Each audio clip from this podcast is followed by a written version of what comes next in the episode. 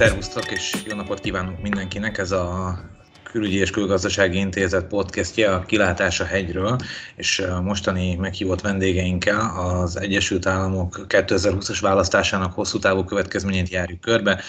Mai vendégeink pedig Ugrósdi Márton, intézetünk igazgatója, valamint Romsics Gergely, az MTA BTK Történtudományi Intézetének tudományos főmunkatársa. Én Baranyi Tamás vagyok, a KKI igazgató helyettese. Hát akkor első kérdésem az lenne, hogy ugye néhány napos csúszással, de azért, hogyha nem is a hivatalos, de a nem hivatalos végeredménye kiderült az elnökválasztásnak, úgy néz ki, hogy a következő négy évben Joe Biden lesz az amerikai elnök, és ezt sokan úgy ünneplik, mint visszatérést a normálishoz. Az a kérdésem, hogy mit gondoltak erről a normálisról, van-e a normálisba való visszatérés, lesz-e politikai jövője a trumpizmusnak, lesz-e politikai jövője Donald Trumpnak esetleg magának, mit gondoltok, hogy ennek a választásnak a hosszú távú következményei, azok milyenek lesznek? Gergő. Nehéz az első mondatokat kimondani egy ilyen valóban nagyon sok ismeretlenes nyitott mondat tárgyalásakor. Én úgy gondolom, hogy annyi már látszik és ez tulajdonképpen a republikánus párt meghatározó személyiségeinek a viselkedése is megerősíti, amit az elmúlt egy-két hétben láthattunk, hogy az a fajta visszarendeződés egy Trump előtti amerikai konzervatizmus irányába, a republikánus pártnak tulajdonképpen egy antebellum restaurációja, az rövid távon biztosan nem elképzelhető. Kicsit újságírósabban fogalmazva, a trumpizmus velünk fog maradni egy ideig. Szerintem ez az, amit már meglehetős magabiztonsággal ki lehet jelenteni. Ebből mi következik? Szerintem, és itt egyre bizonytalanabb talajra tévedek, következik belőle az, hogy alig ha várható egy ilyen típusú amerikai jobboldali dinamika mellett, hogy a baloldali dinamika, amit ugyanígy jellemez, még a kevesebbet is beszélünk róla, a régi centrum és az új baloldal közötti mélyülő szakadék újra jobban tudná önmagát integrálni, újra egységesebbé válna. Szerintem inkább az lesz megfigyelhető, hogy mivel megmarad ez a fajta radikális jobboldali kihívás, a radikális baloldali reakciók is megőrzik erejüket, és ugyanúgy a demokrata párt lelkében, ha szabad ilyet mondani, lesz egy szakadás vagy törésvonal, mint hogy a republikánusokéban is. Az egész centrumra vonatkoztatva és szerintem ez bizonyos értelemben a, a legsúlyosabb tanulság. Fel kell tennünk azt a kérdést, hogy a végét látjuk-e annak a gyökereit tekintve a hidegháborúig visszanyúló. És aztán a 90-es években az amerikai hegemónia delelőjén, vagy második delelőjén valóban nagyon jól tapintható mainstream politikai kultúrának, ahol egy csomó, főleg nemzetközi kérdésben, de más kérdésekben is, a szenátorok, képviselők többsége egy jól behatárolható mezőn belül mozgott. Voltak politikai ügyek, amikben nagyon nagy eltérések voltak, egészségügy például, de volt egy sor olyan ügy, és hangsúlyozom a kül- és a biztonságpolitikát, ahol ezek a különbségek jóval kisebbek voltak. Bizonyos értelemben ez egy bástyája volt az amerikai politikai rendszernek a 90-es években mindenképpen, és bizonyos megingásokat leszámítva, itt a legnagyobb megingás az nyilván George W. Bushnak a demokrácia terjesztő aktivista külpolitikája volt. Bizonyos megingásokat leszámítva szerintem még az Obama elnökség jelentős részére is kiterjeszthetjük ennek a, a, a létezését. Bár egyre gyengül. Most el kell azon gondolkodnunk, hogy az Egyesült Államokban egy olyan kétosztatú és antagonisztikus politikai kultúra keretkezette az egy ciklus alatt, amely korábban már létezett, és amely más politikai rendszerben is megfigyelhető volt, de azért, aminek, hogyha párhuzamait akarnánk megtalálni, akkor úgy gondolom, hogy körülbelül Roosevelt elnökségéig kellene visszanyúlni. Igen, ezt a, ezt a mélyre próbáljuk most azt hiszem a podcastben megcsinálni egy kicsit. Marci, mivel egészítenéd ki ezt, vagy mivel cáfolnád ezt a gondolatot? Amikor Trump hatalomra került, akkor a Foreign Affairs-ben Walter Russell média sokat arról, hogy egy ilyen Jacksoniánus pillanatnak vagyunk a tanúi. Én most pont Andrew Jacksonról olvasok, és hát mondjuk nem volt az a, az elegáns úriember, ami mondjuk a Virginia, tagjait tapasztalatunk, viszont az, hogy ő hatalomra került, az 1800-as éveknek az elején, az szükségszerű következménye volt annak, hogy az Egyesült Államok folyamatosan terjeszkedett nyugatra, és ugye ott alapvetően más típusú kihívásokkal kellett az embereknek szembenézni, ezért más típusú elvárásokat fogalmaztak meg a kormányzattal szemben is, és ugye ebből lett az a már az 1800-as években populista fordulatnak nevezett, nevezett jelenség, amikor Jackson ugye elfoglalta a Fehérházat, és a, mindenki attól kezdett lettegni, hogy akkor úristen, most lótrányával fogják összekenni a falakat, aztán persze nem ez lett belőle. Tehát én úgy látom, hogy ez a valóságra való rádöbbenés, ami mondjuk a globalizáció indukált a társadalmi változásokat jelenti, az most kezdi tényleg kézzelfoghatóan megjelenni, és nem csak a politikai jobb oldalon trump hanem a politikai bal oldalon is, Bernie Sanders-szel, AOC-vel, a Squaddal, és egyébként Kamala harris is tenném hozzá. Tehát az a típusú ilyen kellemes, lanymeleg, mainstream politizálás, mint még Németországban láthatunk, hogy a CDU meg az SPD minden gond nélkül képes együtt kormányozni, mert valójában nem is különböznek ideológiailag egymástól annyira. Ez az Egyesült Államokban nyilvánvalóan nem így van. Az egyik jelenség, vagy az egyik jelennek az, hogy a, ugye látjuk azt, hogy az amerikai mainstream média képtelen feldolgozni ezt, tehát nem igazán tud ezekről az egyébként fontos politikai vitákról úgy tudósítani, hogy azt mondjuk Európában normálisan meg lehessen érteni. A másik pedig az, hogy ugye a republikánus pártot azt hagyományosan a, a nagy tőke pártjának, a globalizmus párt, pártjának, illetve hát a neoliberális per neokonzervatív gazdaság és társadalompolitika pártjának tartjuk hagyományosan és Trump ugye pontosan ezzel a szabad versenyes kapitalizmussal, a feltétel nélküli szabad világkereskedelem és ezekkel a toposzokkal szakította, ami a republikánus párt identitásának egy fontos része volt. És nagyon nehéz azt mondani, hogy ez nem volt egy rossz döntés, akár Trump, akár a, a spin doktorok részéről, mert azt látjuk, hogy Trumpra most a mostani választáson többen szavaztak, mint korábban bármelyik elnökre az Egyesült Államok tört, bár, bármelyik elnök jelöltre, bocsánat, és uh, ugye Trump szerencsétlensége, hogy Bidenre meg többen szavaztuk, mint bármelyik elnökre korábban, tehát összességében több szavazatot szerzett, ismét zárójel nyit, hogy, hogy ugyanolyan 10 meg 100 ezres absó különbségeken nyerte meg az elnökválasztást, mint Trump annak idején 16-ban, még sincs senki se felháborodva, hogy mennyire gonosz a választási rendszer, zárójel zár. Tehát, hogyha a republikánusokat nézem, akkor a John McCain típusú politikusok helyett most inkább a Tom Cotton és Mike Pompeo-szerű politikusok meghatározók, ami mutatja a zeitgeistot, ha engem kérdeztek, de kétségtelen, hogy az a típusú 80-as évekbeli Ronald Reagan-szerű neokonzervatív irány, amit a republikánus párt sokáig magáinak tartott, az most már nem tűnik fenntarthatónak, amit én személy szerint nagyon sajnálok, de nem én alakítom a világ történelmen. Igen, köszönöm. Tehát akkor én is nagyjából egyetértek, de úgy összegezném, hogy hát a trumpizmus nem úgy velünk marad, hanem jó esélyünk van arra, hogy egy kétpárti trumpizmus is lesz, tehát lesz egy, lesz egy jobboldali trumpizmus, és ne, ne nevezzük feltétlenül trumpizmusnak, de hogy tulajdonképpen a demokraták is elképzelhető, hogy egy, egy, egy ilyen típusú politikát elkezdenek mondjuk a bal szárnyukon. Az lenne a kérdésem, hogy, hogy miért alakult ez így? Ez egy Amerika specifikus dolog, ez azért van, mert az amerikai politikai élet azért mindig harsányabb volt, és mindig felületesebb, mindig showbizniszesebb volt, mint mondjuk az európai, Azért alakult esetleg így, mert, mert a tömegmédia így alakította át a társadalmunkat, vagy pedig esetleg ez már egy, egy birodalmi hanyatlásnak a, a, a kísérő tünetei. Mit gondoltok, hogy melyik magyarázza leginkább ebből a háromból, vagy mind? Ha szabad, én megkockáztatok egy olyan állítást, aminek az igazságtartalmáról, hát hogy valamennyi igazság van benne, arról meg vagyok győződve, hogy, hogy ez mennyiben fedi le, vagy mennyiben kielégítő magyarázat, arról már kevésbé.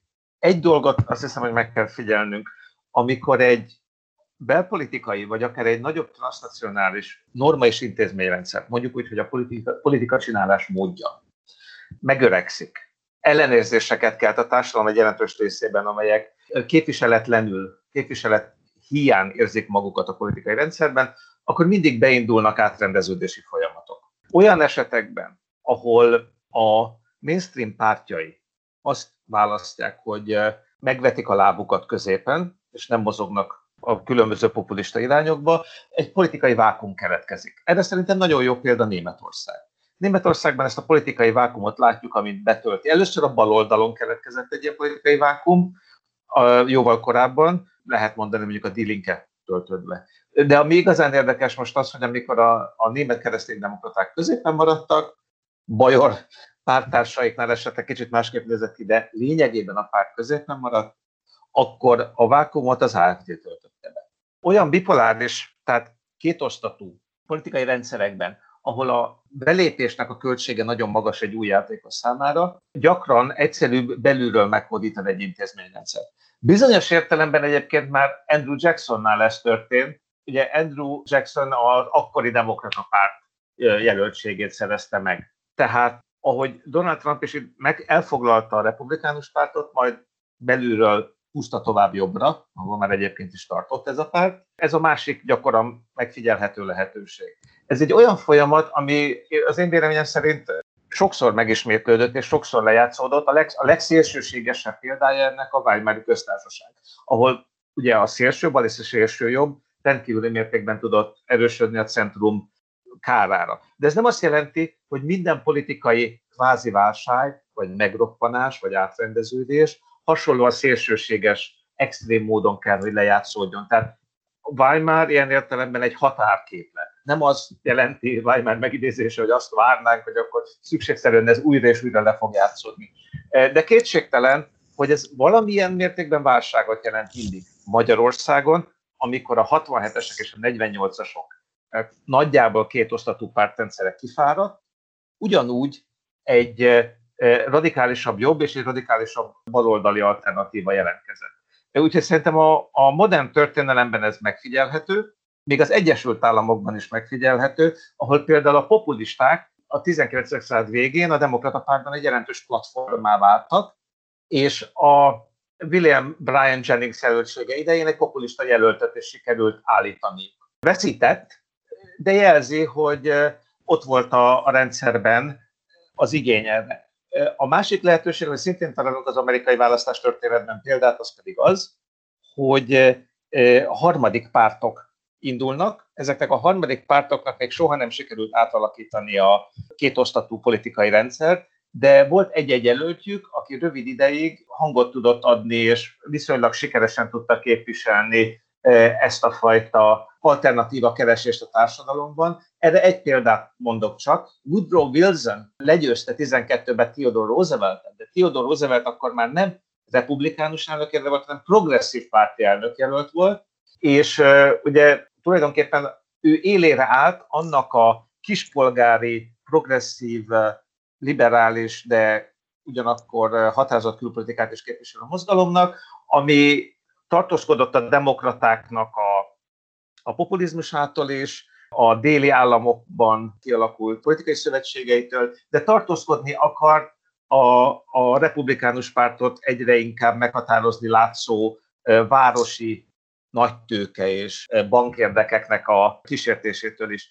Szóval voltak az Egyesült Államokban is meglepően jó eredményeket felmutatni tudó protest jelenségek, úgy gondolom mégis, hogy maga az egész inkább arra példa, arra viszont sokszorosan is nagyon jó, hogy vannak ilyen megingások a politikai rendszer történetében. Szerintem egy ilyet látunk, nem kell azt gondolni feltétlenül, hogy egy Weimari szenárió indult el, de azt is nehéz lenne szerintem tagadni, hogy ez egy válságjelenség.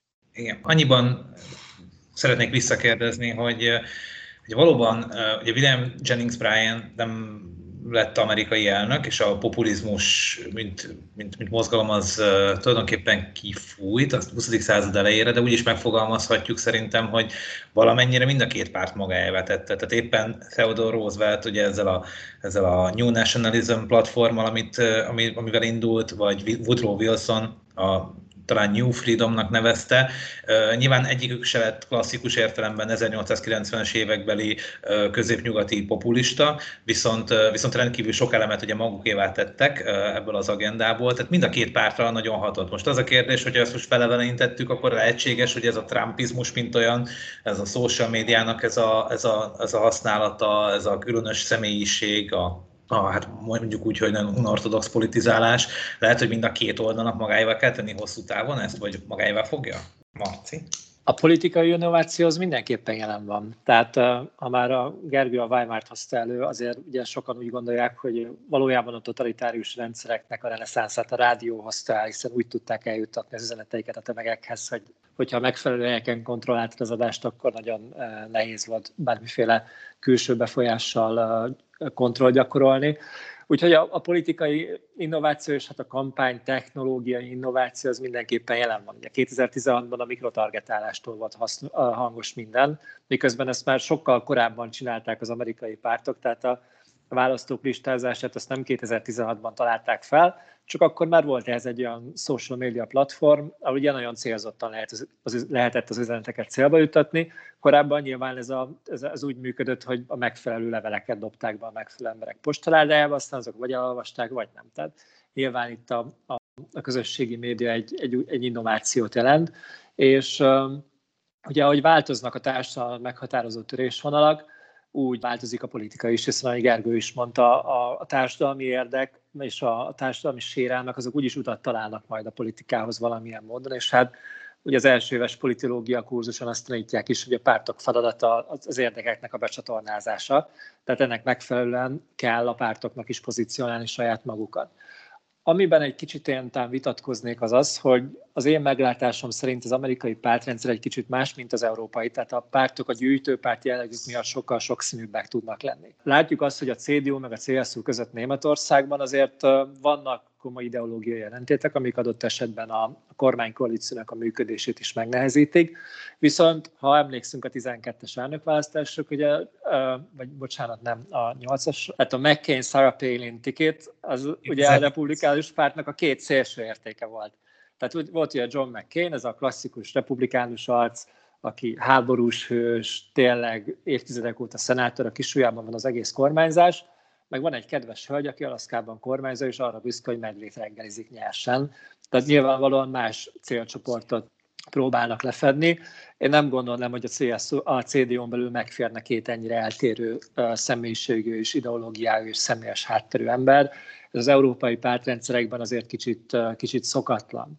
Tehát az amerikai pártoknak a gyűjtőpárt jellege az lehetővé teszi azt, hogy ezek az űrök, amikről Gergő beszélt, ezek a vákumok, ezek nehezebben jönnek létre, hiszen sokkal több minden befér a közös nagy esernyő alá, mint mondjuk Európában. Ugyanakkor az nagyon érdekes, hogy ennek ellenére polarizálódik a két nagy amerikai párt, és úgy tűnik, mintha a politikai közép kezdenek kiüresedni. A, a párton belüli mozgások szerintem nem logikátlanok abból a szempontból, hogy itt mindig a szélről fog érkezni a kihívás. Tehát a, a politikai közép az nagyon ritkán híres az innovatív jellegéről, bár erre mindjárt visszatérek, és azt látjuk, hogy ha valami új ötlet van, akkor azt mindig valamilyen kívülállók szokták behozni. Trumpot is ilyen kívülállóként értékeltük 16-ban, de mondjuk Bernie Sanders is hasonló kívülálló volt a hosszú szenátusi múltja ellenére, és ugye ezek a fiatal, mondjuk így szélsőbalos fiúk és lányok, akik most már második ciklusokat, meg első ciklusokat fejezték be a képviselőházban, ők is ugye a szélről érkeznek, és próbálják meg az establishmentet. Tehát, hogy az, hogy ennek következtében polarizálódik a politikai párbeszéd, de szerintem nem furcsa, hiszen mindig a rendszeren kívülről fognak inni az impulzusok, és hát sokkal kényelmesebb az establishmentnek ezt egy szélsőséges, szélső jobboldali, szélső baloldali, kommunista, fasiszta, akinek mi tetszik, címkével ellátni, hiszen ezzel lehet őket a kezdeteknél a legjobban kizárni a civilizált vitából. Aztán persze, hogy ezek a platformok megerősödnek, és ugye Bernie Sanders egyedül marad állva Hillary Clintonnal szemben a 16-os előválasztáson, akkor az establishmentnek is kell ezzel valamit kezdenie, hiszen szemmel láthatólag pusztán azért, mert kommunistának bejezték az ellenfelüket, ő nem hullott ki a rendszerből, mert ennek ellenére egy nagyon jelentős társadalmi támogatottság van mögötte. Én szintén még Weimarral vitatkozva egy kicsit, én nem vetném el annak a lehetőségét, hogy a politikai centrumban is hasonló innovációt fogunk látni, mint a széleken, és hadd citáljam ide Emmanuel Macron Franciaországból, aki a populista centrizmusnak szerintem egy kiváló képviselője, aki ugye úgy használja ezeket az új technológiai eszközöket, a sajtót, a saját személyes imidzsét, a megjelenését, az, hogy hogyan beszél, hogy minden második héten tart valami óriási nagy világfordító beszédet, amiből nem lesz semmi. Tehát, hogy eladja magát úgy, mint egy radikálisnak tűnő politikai erő, aki ugye a francia köztársaságnak a megreformálásáért küzd, miközben ő maga az establishment, ha megnézzük, hiszen a személyes múltja, a képzettsége, az, hogy ő honnan jön, milyen, milyen álláspontot foglal el, tehát, hogy azért nehéz lázadni úgy, hogy az ember legalább 15 éve a hatalomnak a közelében van, hol miniszter, hol elnök, hol ellenzéki képviselő, tehát hogy szükségszerűen besározódik a hatalommal így, és mégis el tudja Macron magát úgy adni, mint hogyha egy, egy friss erő lenne. Nem csak Franciaországban, hanem Európában is a választóknak ez tetszik. Tehát ez számomra ez a, ez a nagyon érdekes, hogy a választók, az emberek, a jó munkás emberek, ha lehet így mondani, ők úgy tűnik, mintha nem a szélsőséges populizmus, hanem a populizmusra, mint technológiára lennének vevők. Aztán, hogy ezt, ezt, a, ezt az edényt, ezt milyen folyadékkal töltöm meg, hogy ez most jobboldali, baloldali, centrista, vagy nacionalista, vagy liberális, vagy szélsőliberális, vagy libernyák, vagy mit tudom mi lesz, ez mintha már részletkérdés lenne, mert, mert, a, mert a marketingen van egyre inkább a hangsúly, és nem annyira a tartalman. Hű, nagyon szépen köszönöm, hogyha most Gergő még válaszolná?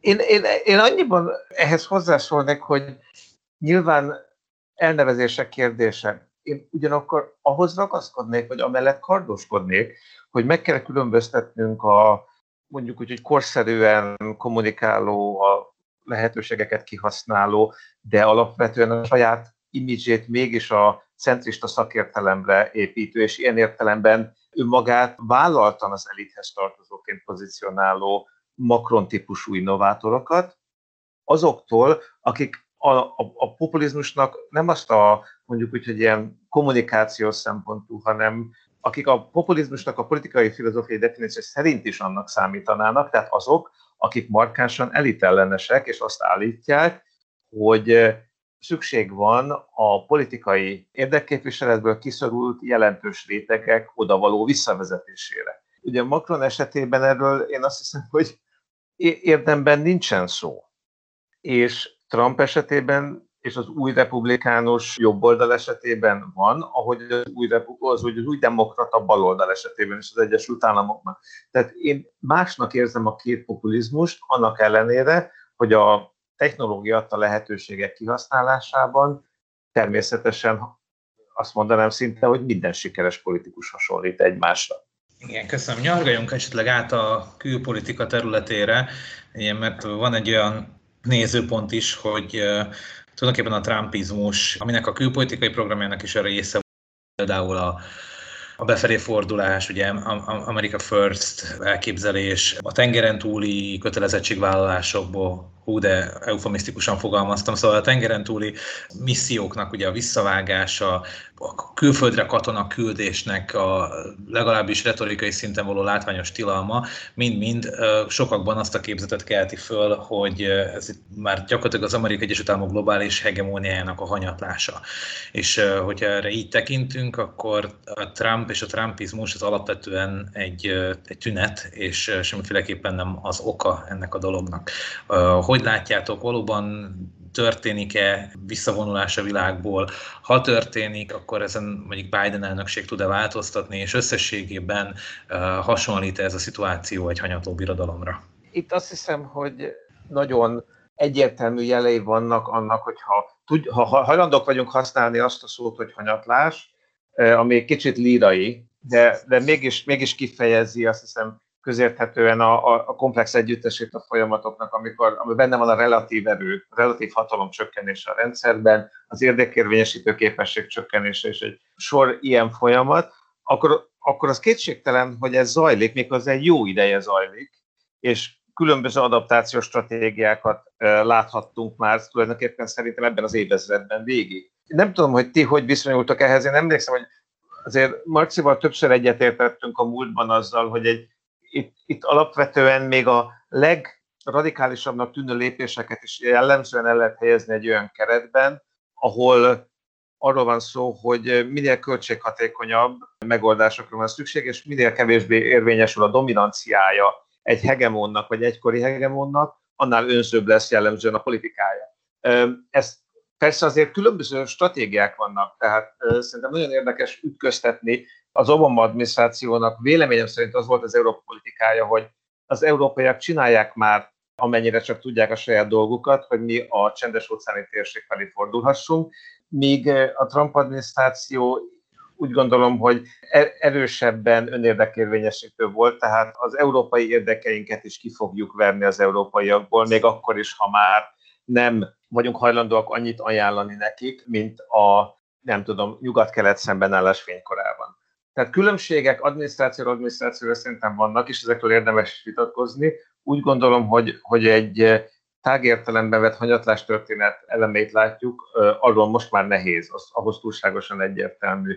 Ezzel együtt még egy dologra hadd hívjam fel a figyelmet, ami, ami szerintem egy alternatív, és ezt, ezt ilyen Gondolatkísérletként dobom be, és abszolút elfogadom, hogyha lesöpítek. Nem tudom megítélni, vagy nem vagyok elég magabiztos ahhoz, hogy azt mondjam, hogy ez legalább ugyanilyen fontos tényező, de nagyon foglalkoztat az a kérdés, hogy a külpolitikai stratégiának a belpolitikától való függésbe kényszerülése milyen szintet ér el, és van-e minőségi változás.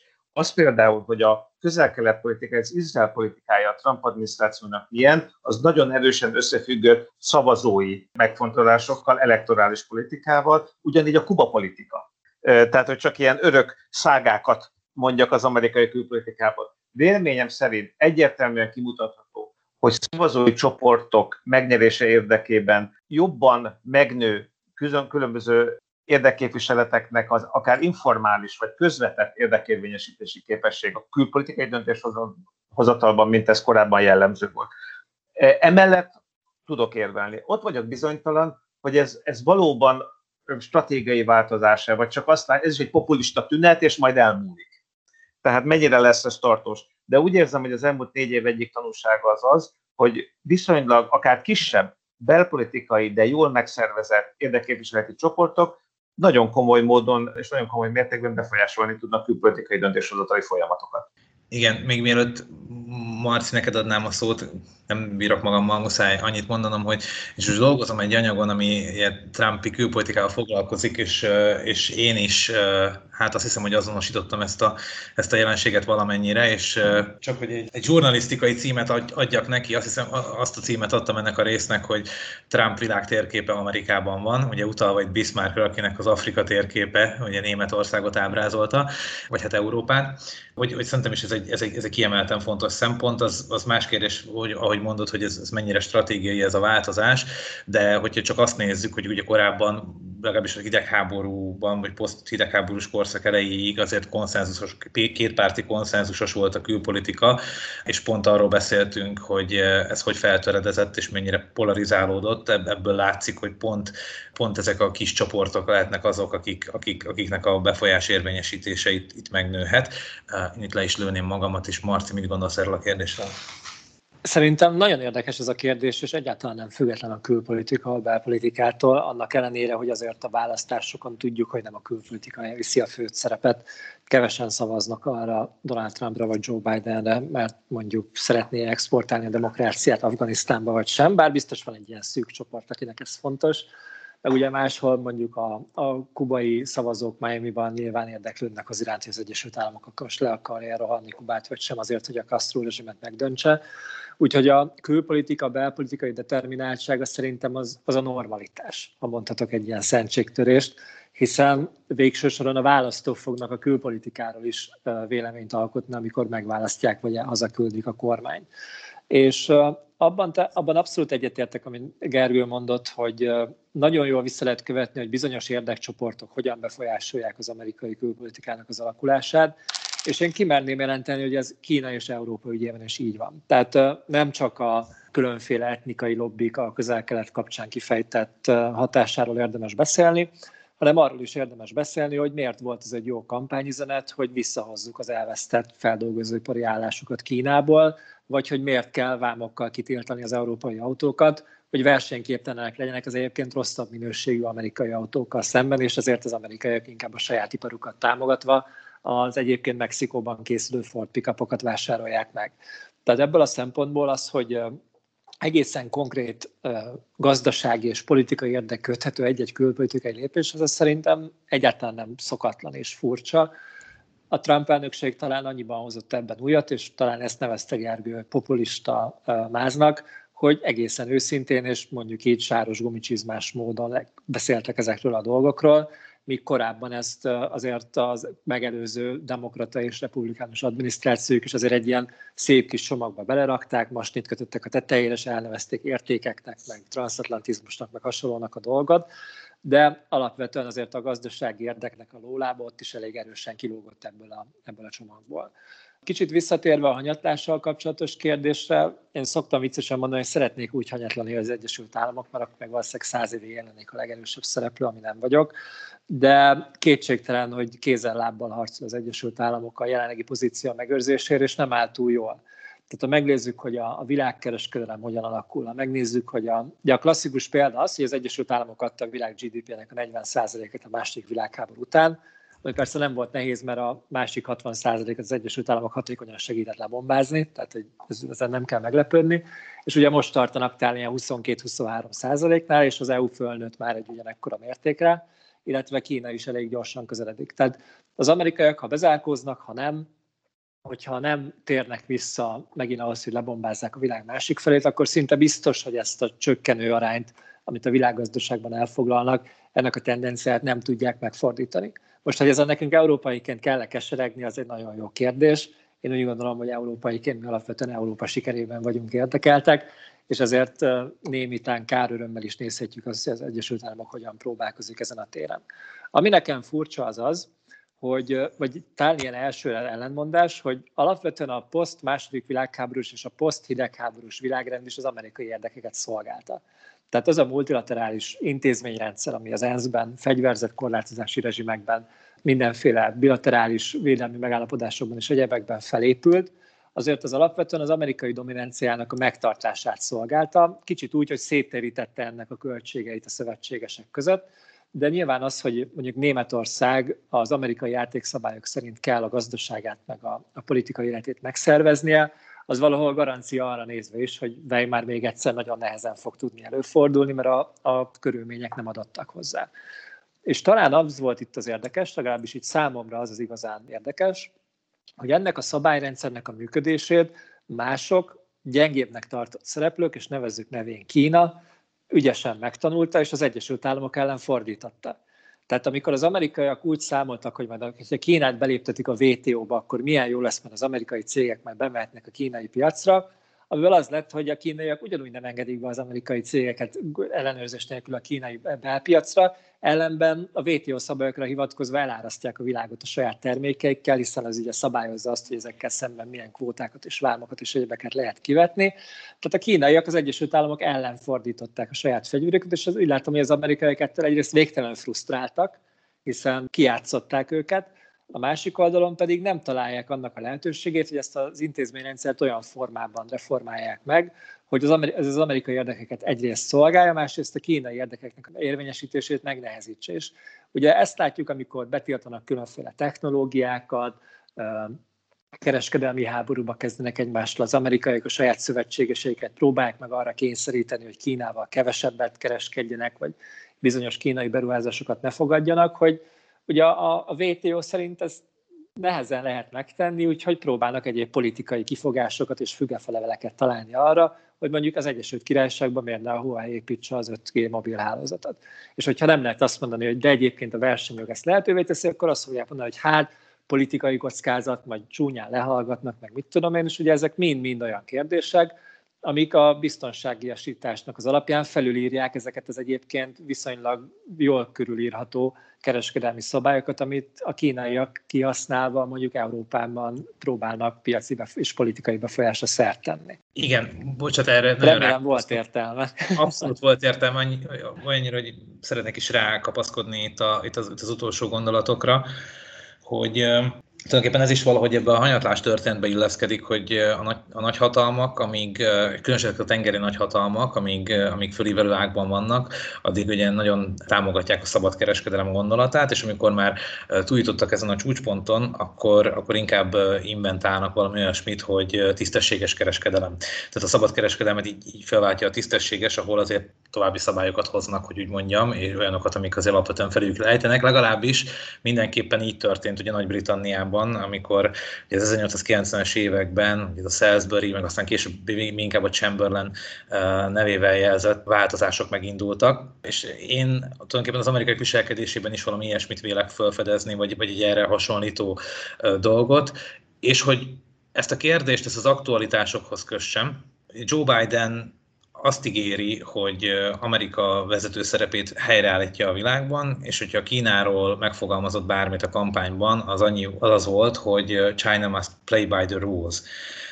Viszont nagyon úgy nézett ki számomra, hogy Kínát igazából pont a, nem a szabályok szerint játszással tudta az Egyesült Államok rossz helyzetbe hozni. Az a kérdés, hogy egyébként, hogyha tényleg csak kizárólag a szabályrendszerhez ragaszkodik majd a Biden adminisztráció, akkor azzal tud-e fogást találni egyáltalán Kínán, vagy ez igazából már egy ilyen önellentmondás magában? Na, tudom, hogy én sok mindent kérdeztem egyszerre, vagy sok mindent mondtam, de, de hogy ezen a, ezen a vonalon mit gondoltok még? Hadd ne válaszoljam meg ezt a kérdést.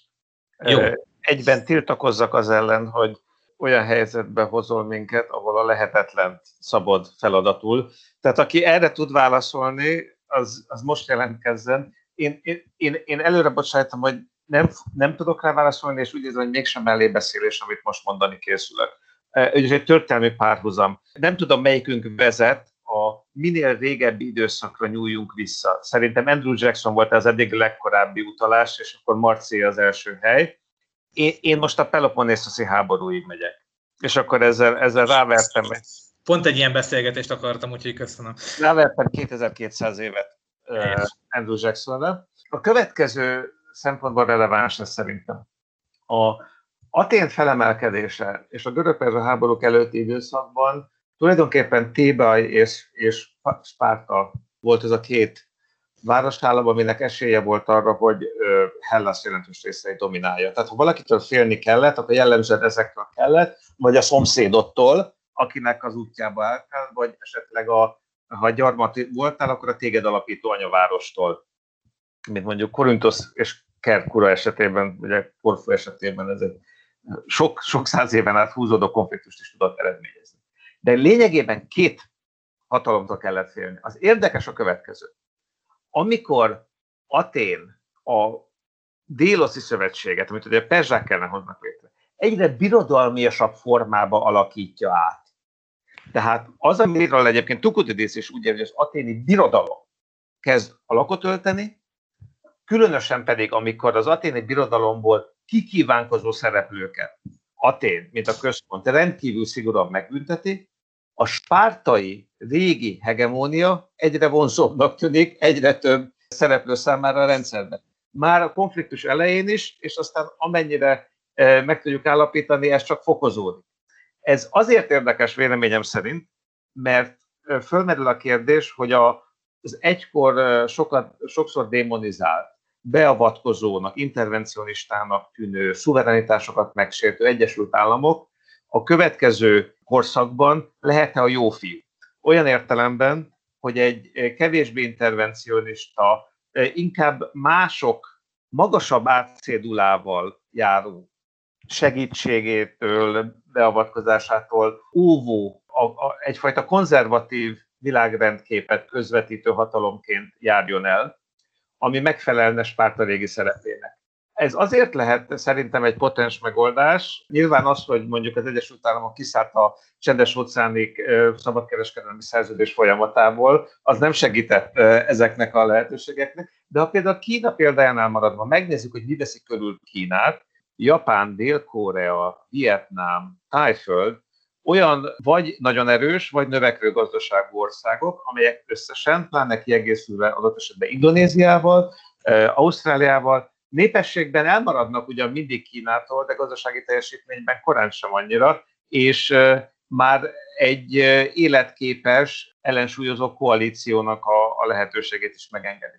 Én tehát úgy gondolom, hogy az érdemes megfontolni, hogy van-e egyáltalán egy olyan forgatókönyv a következő néhány évtizedben, ahol az Egyesült Államok egyfajta egy relatív gyengüléséből is következő, részben önkorlátozó magatartásából kifolyólag alkalmas, a jelenleginél és a közelmúltbélinél is alkalmasabb és vonzó partner lesz, hogy egy olyan balancerként, egy olyan egyensúlyozó hatalomként jelenjen meg a rendszerben, ami az agresszívabb, felfele ívelő regionális vagy akár új globális szereplőket korlátozza, de nem egyedül, hanem ilyen konzervatív erőegyensúly, hatalmi egyensúly koalíciók révén.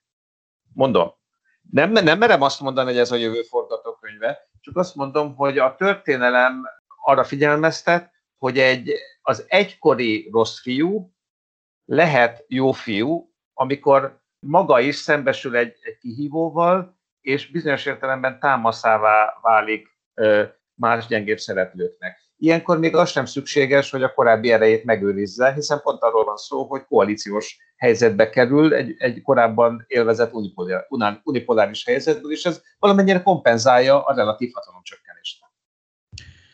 Nem, hát szerintem ennek a beszélgetésnek nem célja az, hogy, hogy jóslatokat vázoljunk fel a jövőre, hanem valóban az, hogy, hogy hát ilyen kreatívan gondolkodjunk együtt, és erre ez egy tökéletes nem válaszolás volt, úgyhogy nem válaszolnál te is? Megpróbálok bele, nem hiszem, hogy lehetséges. Az első észrevételem talán az lenne, hogy nem tudom, valamelyik külföldi konferencián hallottam ezt a hasonlatot, hogy az Egyesült Államok most úgy viselkedik, mint a rossz maffia főnök, aki elvárja a hűséget, de nem véd meg, ha vagy.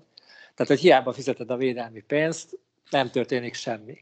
És ha megnézzük, hogy mondjuk az európai szövetségesekkel hogyan bánt az Egyesült Államok az utóbbi időben, akkor azt látjuk, hogy egy csomó olyan politikai és gazdasági döntést vártak el tőlünk, ami a mi érdekeinket nem szolgálja, de mert ők az amerikaiak mégis elvárták, hogy ezt tegyük meg nekik.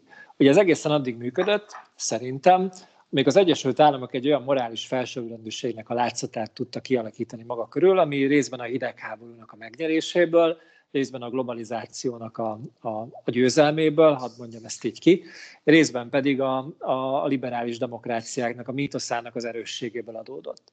És ha megnézzük az utóbbi nem csak négy, hanem 10-15 évet, és nyugodtan kezdhetjük a demokrácia exporttól, amit azért elég régóta láthatunk. Ezek a mítoszok nagyjából egyenként szépen sorban megdőltek. Tehát a, a szabad versenyes kapitalizmust, hogyha valaki hit benne, a 2008-as világválság után már elég nehéz hinni benne.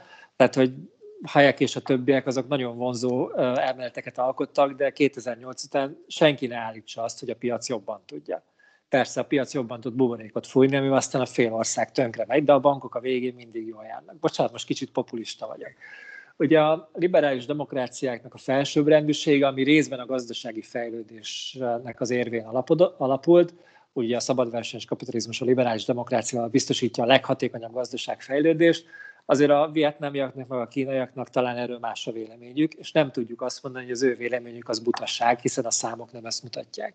És ez a típusú normatív szerep, amit az Egyesült, vagy normaalkotó szerep, amit az Egyesült Államok játszott szerintem 1945 óta, amióta tényleg komolyan vették, hogy ők a rendőrben, ezek azért a nemzetközi rendszernek az alapjait képezik ma is. És hogy jönnek fel a kihívók, ugye próbálják ennek a rendszernek a határait feszegetni, én egy dolgot nem látok. Mégpedig azt, hogy a szabályok megalkotását azt ugye könnyű véghez vinni, az összekérni a nemzetközi konferenciát, elfogadunk valami szerződést, és akkor van egy intézményünk, amit aztán lehet alkalmazni. Viszont ezt az intézményrendszert, ezt fenn kell tartani.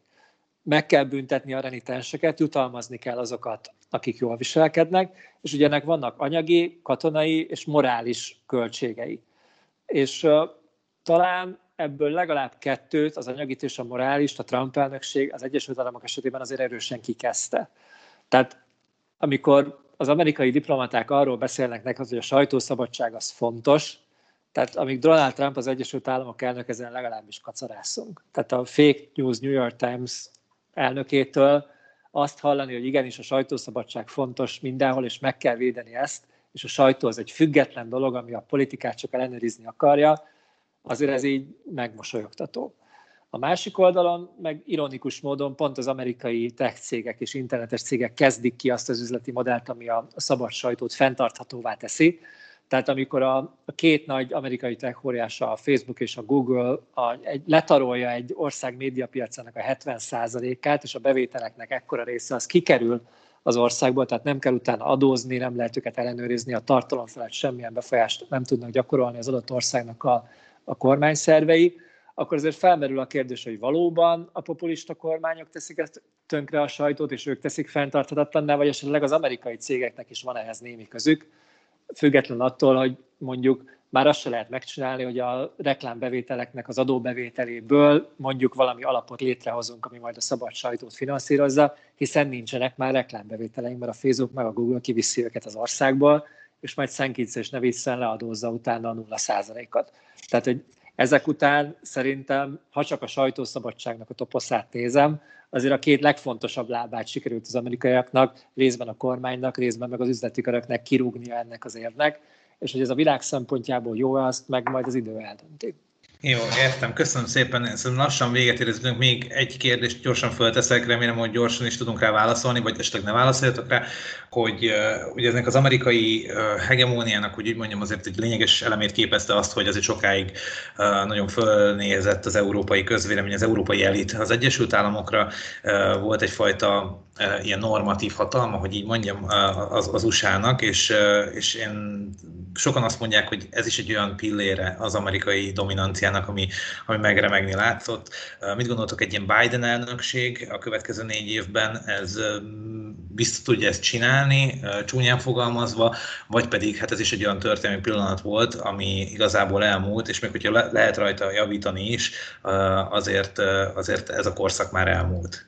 Ez a korszak már elmúlt, és javítani ettől lehet rajta. E, annyit, annyit mindenképpen mondanék, hogy mindig voltak azért tehát az Egyesült Államok megítélése Európában sohasem volt egységes. Ennek vannak nemzeti különbségek is ebben a kérdésben, és vannak világnézet és egyéb különbségek. És Franciaországban sem volt népszerű, a német baloldal nagyon megosztott volt ebben a kérdésben, a német jobboldal meg nagyon egységes, és persze mi a posztszocialista blokk egykori tagjaiként inkább hajlunk az atlantizmusra, még akkor is, hogyha mondjuk Magyarország nem Lengyelország.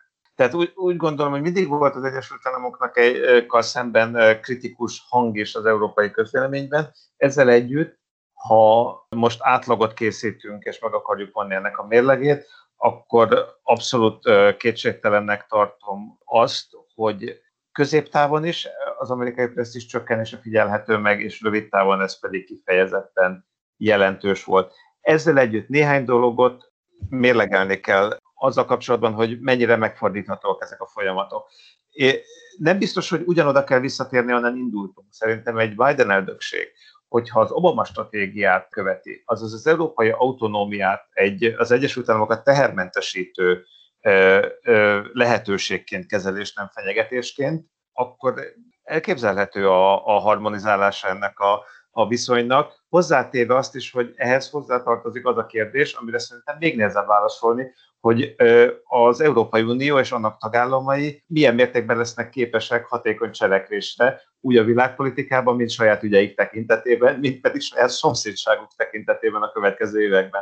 Tehát én, én úgy látom, hogy az Egyesült Államok a, a nyitott mondat egyik oldala, és a másik nyitott mondat, amihez persze még kevésbé értek, az az európai. És, és az, hogy a kettő hogyan fog alakulni, hát kettőn áll a vásár, vagy angolosan it takes two to tango. Én kicsit vitatkoznék abban, hogy mennyire nézett fel Európa az Egyesült Államokra, és mennyiben volt ez egy, ez egy kötelezően felvendő póz. Tehát nyilván, ha amerikai katonák állomásoznak az országodban, akkor nehéz nem felnézni az Egyesült Államokra, mert ez valahol elvárás. Nyilván mindig volt a értelmiségi köröknek egy szűk része Alexis de tocqueville aki példaként tekint az Egyesült Államokra, de talán Európában már George W. Bush ideje alatt is voltak, akik inkább elrettentő példaként tekintettek az Egyesült Államokra, és azért nagyon széttart szerintem az a típusú gondolkodás, hogy akkor tanuljunk, példaként tekintsük az amerikaiakra, vagy sem. Gergő nagyon szemérmesen beszélt a németekről ebben a tekintetben, azért ott az amerikaiakkal kapcsolatban eléggé szórnak a vélemények, és mind a jobb oldalon, mind a bal oldalon látjuk azt, hogy az a feltétel nélküli rajongás, amit mondjuk Kelet-Európában és Közép-Európában néhány ország tanúsít Washington iránt, az azért legalábbis egy ilyen naivitással határos álláspontnak, és kicsit néha megmosolyogtató álláspontnak számít bizonyos körökben, de kétségtelen, hogy Joe Biden megint majd úgy teszünk, mint a minden rendben lenne, és majd többet mosolygunk egymásra, viszont én nem látom, hogy a strukturális jellegű nézeteltéréseink politikában, gazdaságban megoldódnának egy kézzel fogható példa, északi áramlat kettő, tehát megint ugye az, hogy mit várnak az amerikaiak, és mi az ország gazdasági érdeke. És azért itt bármennyire is fölnéznek, vagy nem néznek a németek az amerikaiakra, azért úgy látszik, hogy a való, igazából a pénz számít, és nem az, hogy ki van a fehérházban. Jó, azt hiszem, hogy lejárt az időnk, pedig én nagyon szívesen folytatnám meg. Én nagyon szépen köszönöm nektek a beszélgetést, majd jól felhasználom őket valamihez, amit én magam csinálok. Még egyszer tényleg köszönöm szépen, úgyhogy vendégeink voltak ugye a podcastben, Úrosdi Márton és uh, Ramsics Gergely. Köszönjük szépen a figyelmet. Sziasztok!